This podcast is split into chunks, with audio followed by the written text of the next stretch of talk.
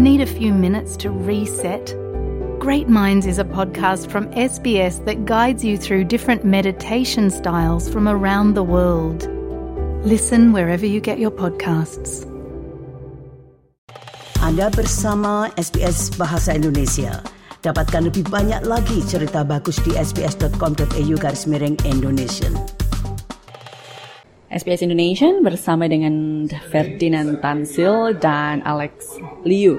Uh, kita ngobrol um, dengan Ferdinand dan Alex dari Mood. Semoga saya pelafalannya betul ya. Iya benar. Itu itu bisa orang bisa ngomongnya beda-beda sih, ya, tapi ya mood ya gitu. Ya. Satu uh, tempat uh, ice cream ini, saya tahu pertama kali saya keingat ketika ketemu kalian di acaranya University of New South Wales. Ada Indonesian Night Market di situ dan antriannya panjang sekali, dingin-dingin. Kenapa jual ice cream tapi toh juga tetap ramai? I think that's the thing about Australians, like mereka tetap menikmati ice cream kapan saja. Apakah itu juga latar belakang kalian berbisnis ice cream? Jadi kita gimana kita mulai ice cream itu jadi itu pas waktu covid kita kan nggak bisa pulang ke hometown saya di Indonesia sama dia kan dari Malaysia Uh, jadi kita kangen dengan makanan dessert, minuman-minuman yang ada di Southeast Asia. Jadi kita pikir gimana ya kita bawa itu ke Australia, menghilangkan rasa kangen kita, tapi dalam bentuk sesuatu yang orang Australia yang di sini suka gitu. Jadi seperti es krim gitu. Jadi that's how kita bagaimana kita mulai itu uh, mood sebenarnya. Cuma kan kalau kita buat es krim biasa doang, bosen. Semua orang juga sudah ada. Jadi kayak itulah kita mulai dengan rasa-rasa Southeast Asia.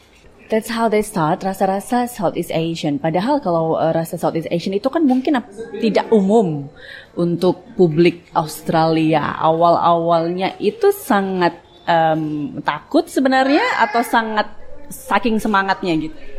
Gimana ya kita mulainya pertama dengan close friend dulu ya. Jadi lebih friendly ya. Kita kak ini kita ke teman-teman kasih teman-teman coba begitu. Oh it's not bad gitu. Terus kita mulai kasih ke teman-teman kita yang lebih orang Australia yang lebih ya Australian.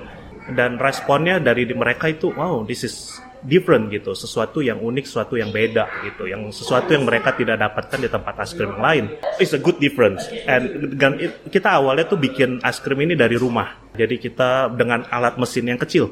Yang satu liter uh, is it 1.5 2 liter Ya, kita mulainya aja gitu, kita mulai order aja kita masuk ada 100 tab. Jadi tiap hari itu cara lama. Jadi kita cara manual dengan satu liter we spend 14 hours a day ya, capek. Just to make that 100. So dari sana it boost our confidence gitu. Karena semua orang tuh responnya bagus. Awal-awalnya ini siapa yang Teman-teman, Iya, teman-teman. dan dia fans. Teman-teman punya teman. Iya. Iya gitu boost our confidence. Kayaknya semua orang responnya bagus gitu. Bukan cuma dari orang-orang Asia doang Termasuk juga Australian gitu. Waktu di orang makan Oh this is good gitu. Jadi saya discuss sama Alex ini makanya I think we should pursue lebih gitu. Jadi kita mesti cari tempat yang Ya ini kayak komersial bener-bener gitu. Kalau enggak kita tiap hari 12 hours to 14 hours Capek Capek sekali. Is it difficult for someone who has no background in cooking or business even to do this ice cream business? I, I think it's about trying, right? And you have to be able to learn as you go. Hmm. We are not chefs. Kita bukan ya chef. We got good palate, I would say. Yep. Both of us palate-nya bagus ya. Cerewet deh kalau untuk makanan Ah. Jadi ya gitu So just have to learn as you go. Trust your instinct ya. And then keep working at it. Mm-hmm. Coba. Keep hmm. trying. Then Okay. you know you'll get there one day. Ingat tidak eh, awal eh, pertama kali berarti rasa atau flavornya yang di Pertama. iya yang jadi andalan ada itu Jadi, apa? kita ada pertama yang kita coba di rumah itu yang kita jual ada lima Mm-hmm. Uh, pertama tuh teh tarik itu uh, andalan rasanya Malaysia Mm-hmm. Uh, terus kita ada uh, Milo Mm-hmm. terus kita ada kopi uh, lemon tea sama Bandung. Bandung itu uh, rose water. Itu minuman yang populer di Singapura dari Malaysia. Ya, itu lima yang pertama kita coba dari rumah dan kita uh, jual ke teman-teman untuk dicoba. Dan itu yang yang sukses lah bisa dibilang ya. Mhm, Oke, dan mengukur kesuksesan pada saat itu karena memang em, mereka tanggapannya baik atau karena mereka selalu beli lagi beli lagi atau bagaimana? Uh, tanggapan mereka baik satu, udah itu juga pas mereka kenalin ke teman-teman mereka kan jadi kita mulai dengan kalangan kecil terus kita diperlebar ya. Jadi uh, melalui uh, perkenalan dari teman ke teman itu juga responnya bagus gitu. Uh, sampai to the point ya kita ke kelabakan gitu kan ini 100 saya kita udah tiap hari udah sampai uh, tiap hari udah sampai 14 hours 15 hours gitu dan we do that about what, two months I think or three months more than that Again, you don't know what you don't know. When you walk into this, you just have to keep changing, keep updating, keep pivoting. Like for example, masa COVID ya, we can't open front door. Kita mestinya jual online. When COVID lockdown habis, then we have to start pivoting again. We have to make sure front of house everything is good. We have proper people serving. We provide, you know, customer experience nya ya bagus. So it's a ever evolving thing. Yeah, it's not something you forecast. Yep, it's gonna work like this. It's never gonna work like this. So you just have to make sure ya tukar when you see something is not right. Keep updating, keep refreshing how to make your business, you know, adapt. Yeah, adapt. Situation begitu ya. Itu kan teorinya jawabannya begitu. Tapi kalau misalnya ditanya, em, jadi sudah cukup Kalau untuk itu ya kebetulan, namanya kan tadi kan si Alex bilang kan ada aja situation yang bisa berubah kan. Tahun lalu itu sebenarnya tidak eh, kurang bagus karena interest rate. Ya, interest rate itu naik, forecast kita hancur semuanya. Tahun lalu tuh kita buka juga di Macquarie, eh, Macquarie Center pop up. Wah pas buka itu bagus, semua rame. Tapi sekali mulai interest rate naik, the whole center juga quiet, habis kita gitu. Jadi ya, kalau pertanyaannya apakah udah sesuai dengan forecast ya enggak juga gitu. Cuma kita percaya dengan produk kita. Kita percaya dengan uh, ya produk kita tuh bagus gitu dan itu sudah orang udah pada bilang begitulah ya, bukan karena kita bilang produk kita bagus sendiri gitu. Ya dengan itu kita cuma coba bertahan lah ya. Coba kita lihat-lihat lagi. Semoga tuh suatu saat will be there, will get there gitu. Bicara tentang produk dari awal rasa tadi 5 begitu kan. Kemudian saat ini di awal 2024 sudah ada berapa atau selalu diputar terus atau gimana? Ada 18 ya. 18 sudah ada 18 kita. Dan memang ada satu dua sepuluh rasa yang pasti eh, jadi jagoan atau not really atau semuanya 18 dibilang jadi jagoan. Jadi 18 itu sebenarnya mestinya udah lebih. Ada beberapa yang uh, kurang begitu uh, responnya kurang gitu bagus sudah kita drop.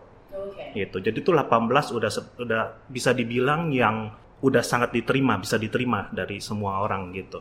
Dengar-dengar juga yang spesial untuk eh, tahun baru lunar tahun ini juga durian yang dimunculkan. Iya benar, durian itu ya itu karena ke, uh, populer sekali durian. Eh, populer tapi juga ada yang nggak suka sih ya, tapi lebih banyak yang orang suka gitu. Dan juga itu warnanya durian itu kan warna emas ya, gold ya. Dan itu sangat connected sekali dengan uh, Lunar New Year gitu kan semuanya yang berbau-bau emas ya. Dan durian itu kita bisa bilang itu seperti liquid gold ya. Jadi bakal banyak orang yang bakal beli itu untuk share with the family ya buat the Lunar New Year Eve atau apa buat mereka uh, makan together gitu ya. Kalau bicara mengenai warna misalnya ya kan eh, ada buah-buah lain yang mungkin warnanya juga kurang lebih Ada ya, cuma tetap durian somehow itu emang udah namanya the king of fruits ya kalau kita ngomong ya. Uh, Dan dia memang lebih premium gitu. Apakah tapi setiap eh, Imlek beberapa kali kalian coba selalu mengeluarkan durian atau gimana? Ini yang pertama kali atau gimana? Jadi kita pasti sebelum Imlek pasti ada ada durian. Itu udah pasti. Karena kita tahu orang tuh banyak itu yang mereka mau beli untuk family gathering. It- Jadi selalu. Cuma kita suka ada tambah lagi beberapa eh, buah yang lain juga ya untuk eh, mengiringin dengan durian ini. Kayak last year was it uh, lychee or Last year was calamansi ya. Calamansi. The word calamansi is actually in in Cantonese, yeah, it's actually a very good word. That's why you know durian macamnya emas, and then we got the calamansi. The word cut is also very good in the Chinese language for Lunar New Year. So last year, I think most customers nya durian calamansi nya, yeah, really, yeah. Ya, kalau tahun sebelumnya lychee kalau nggak salah ya atau lychee ya. ha-ha.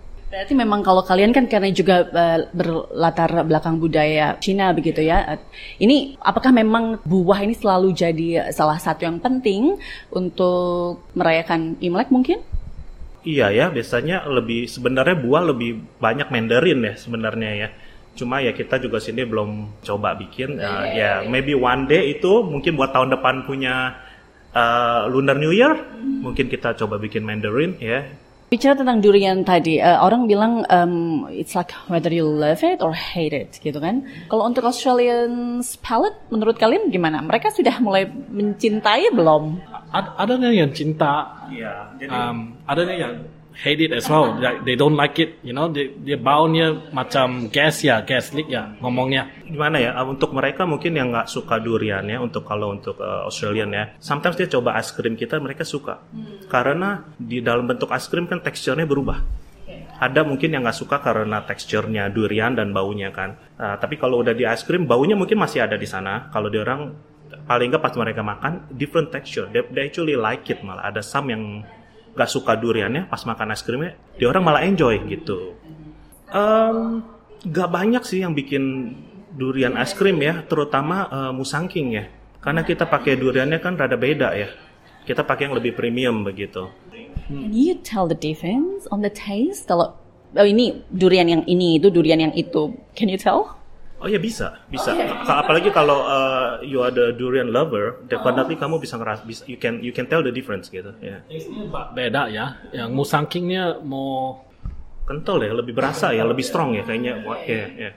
Lebih strong, lebih strong. Gitu. Ada ada bitterness dia juga beda sama gitu. ya bedanya sama di 24 when when I was growing up dulunya nggak ada musangking dulunya ada durian kampung ya di 24 now they call XO but now ada yang beda-beda you got musang king you got red prawn black thorn ya ramai ya so it's all all of them taste beda in the ice cream also you can coba you also taste different pakarnya durian. Pakar. Dia kan dia punya lahan family businessnya dia kan durian. Jadi kalau anything about durian ya dia expertnya di sini gitu. Kalau bicara tentang Lunar New Year sekarang, uh, back then di Malaysia atau di Indonesia, itu uh, merayakannya seperti apa sih? So my family had 11 acres ya yeah, of durian farm. So Lunar New Year to me, every time is durian. We have the fruit, ada buahnya, then yang sisanya they make into the the kueh ya yeah, and everything. So my my Lunar New Year has always been about durian and family and friends. So that's my that's my memories of durian until the point I think umur 11 ya gua henti I stop eating durian because I got so sick of it. Wait, tapi itu karena memang satu tradisi bersama atau karena jadi pebisnis durian begitu atau gimana? So that's the family business ya. Dulunya family business. Uh, tapi I think 10 years ago ya, yeah, the family sold the whole plantation. So now you know we don't have it anymore. Tapi uh, specifically untuk Alex sendiri, durian masih sesuatu yang spesial atau just because uh, suka atau karena jangan-jangan sudah nggak suka lagi like ever? Now I like durian again, yeah. So maybe five six years ago, gua start to eat durian again. But I think more importantly, durian is my childhood, right? Yes, I stopped eating durian when I was 11, yeah. Tapi ini is still my childhood, yeah. Still memories and everything is there. The family home is there it still reminds me of durian and yeah, childhood memory. Kalau boleh tahu berarti Alex pindah ke Australia umur berapa? 18 ya. High school, uh, year 12 di Perth. Then I came over to Sydney ya, um, 19 to do first year of uni in Macquarie. Kalau Ferdinand mungkin masih ingat masa lalu uh, biasanya kalau tahun baru Chinese bagaimana? Oke, okay, yang kita selalu ingat itu adalah red pocket ya, angpaunya ya. Jadi kalau untuk Lunar New Year yang yang selalu ingat di kita tuh adalah uh, selalu malam sebelum Lunar New Year itu adalah family gathering. Kita selalu kan dinner dengan semua keluarga yang mungkin kita lama nggak jumpa tapi kita selalu ngumpul. Dan itu yang selalu ada, selalu diingat. Yang selalu diingat itu adalah ya family gathering sama red pocket. Tapi karena di Indonesia kalau kita boleh bicara tentang itu back then tidak seterbuka ini kan merayakan Imlek. Benar, tidak seterbuka ini tapi kita keluarga kan tetap kumpul kan, tetap ngumpul dan karena kita pergi visit-visit family juga tetap itu yang bisa dilakukan. emang nggak seperti sekarang. Kalau sekarang di Indonesia kan, wah udah mewah sekali ya, udah mau Lunar New Year juga semua juga udah merah-merah di mana-mana gitu, udah udah lebih resmi ya begitu ya. Ya benar, dulu sih tidak sebegitu, tapi tetap kita masih merayakan gitu. Dan kalau untuk Ferdinand pindah kemari umur berapa? Saya itu, saya sebenarnya di Indonesia tuh cuma sampai SD. Terus saya pindah ke Singapura, saya sempat tinggal di Singapura untuk secondary school buat lima tahun baru saya ke sini tuh di tahun 97. Okay. Ya, 97. Jadi saya untuk kuliah. Mm -mm. Dan selalu di Sydney kalau dan selalu di Sydney. Okay. Ya, benar. Kemudian dengan sekarang kalian berdua punya keluarga sendiri, ini apakah tradisi uh, Lunar New Year ini juga uh, diturunkan, dinikmati bersama-sama di keluarga masing-masing? It's, it's still the same. The tradition that we used to have in Malaysia, we'll, we'll do it here, right? Reunion uh, dinner ya kita makan sama family but obviously family kita di sini nggak ramai ya ya yeah. so we now we have friends good really good friends as well we come together reunion dinner ni sama just that with less families but you know most of the time gua coba pulang ya oh, okay. masa ini okay. uh, tapi my parents just came here not too long ago so I just seen them so I said you know let's uh, find another time to go back and see them again Iya. Sama kita tetap mau usahakan tetap uh, tradisinya tetap dilakuin di sini. Walaupun seperti kata Alex ya mungkin family di sini rada terbatas. Jadi kita juga banyak uh, rayain dengan teman-teman baik juga begitu. Ya sebagai family kedua kita lah bisa dibilang uh, di Australia gitu. Karena pintar forecasting tadi berarti ini uh, tahun naga. Uh, ya. Forecastnya bagaimana Alex? Forecastnya better lah this year. I think better uh, sebabnya you know kita also quite blessed this year ada kena mention ya di Good Food Guide ya. So businessnya is better. So we just need to keep trying and keep innovating and not left behind because other people udah mulain ya start to follow and try to do things that we are doing. So we just need to be you know uh, one step ahead and um, yeah try to do the best we can. Alex dan Ferdinand, terima kasih waktunya bersama dengan SBS Indonesia. Sukses untuk bisnisnya. Terima kasih, thank you. Terima kasih. Sukai, berbagi, komentar. Ikuti SBS program Bahasa Indonesia di Facebook.